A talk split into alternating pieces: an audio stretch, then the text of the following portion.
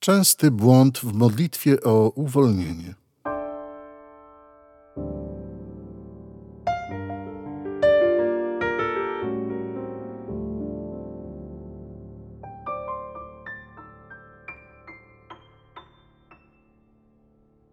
Częsty błąd dotyczący modlitwy o uwolnienie polega na przypisywaniu wszystkim faktycznym chorobom ducha złego jako przyczyny choroby.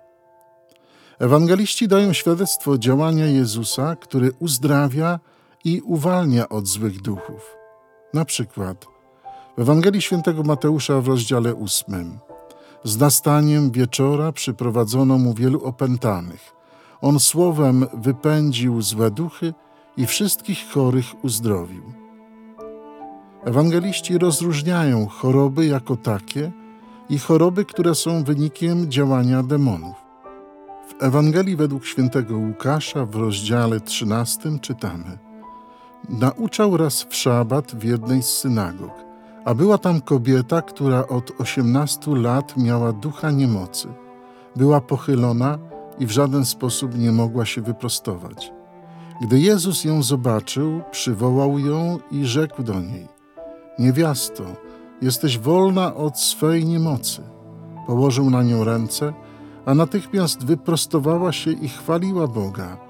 Dalej Jezus powiedział: A owej córki Abrahama, którą szatan osiemnaście lat trzymał na uwięzi, czy nie należało uwolnić od tych więzów w dzień szabatu? Uzdrowienie w tym przypadku było wynikiem uwolnienia od złego ducha, który przez kilkanaście lat oddziaływał na kręgosłup kobiety. Dlatego w jednych przypadkach mamy do czynienia z uzdrawianiem, w innych z wyrzucaniem złych duchów.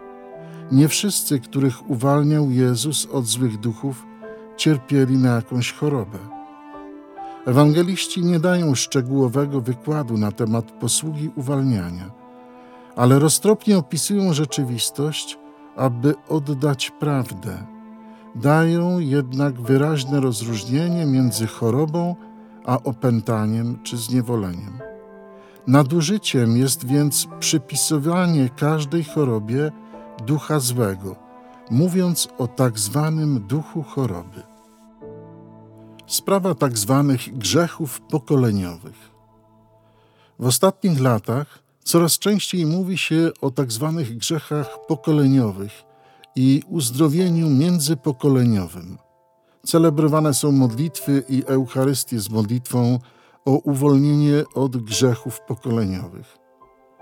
Propagujący te modlitwy przekonują, że grzechy przodków wywierają wpływ na życie obecnie żyjących członków ich rodziny.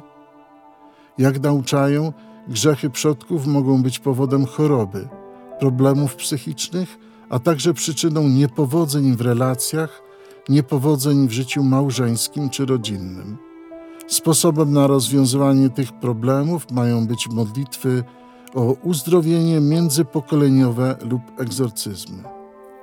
Konferencja Episkopatu Polski podjęła decyzję o zakazie tych praktyk i stwierdziła, że jedynym grzechem, który jest przekazywany z pokolenia na pokolenie, jest grzech pierworodny, który jest usuwany na Chrzcie Świętym.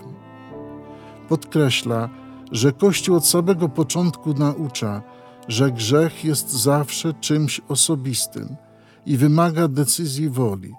Podobnie jest z karą za grzech. Każdy osobiście ponosi karę za swój grzech.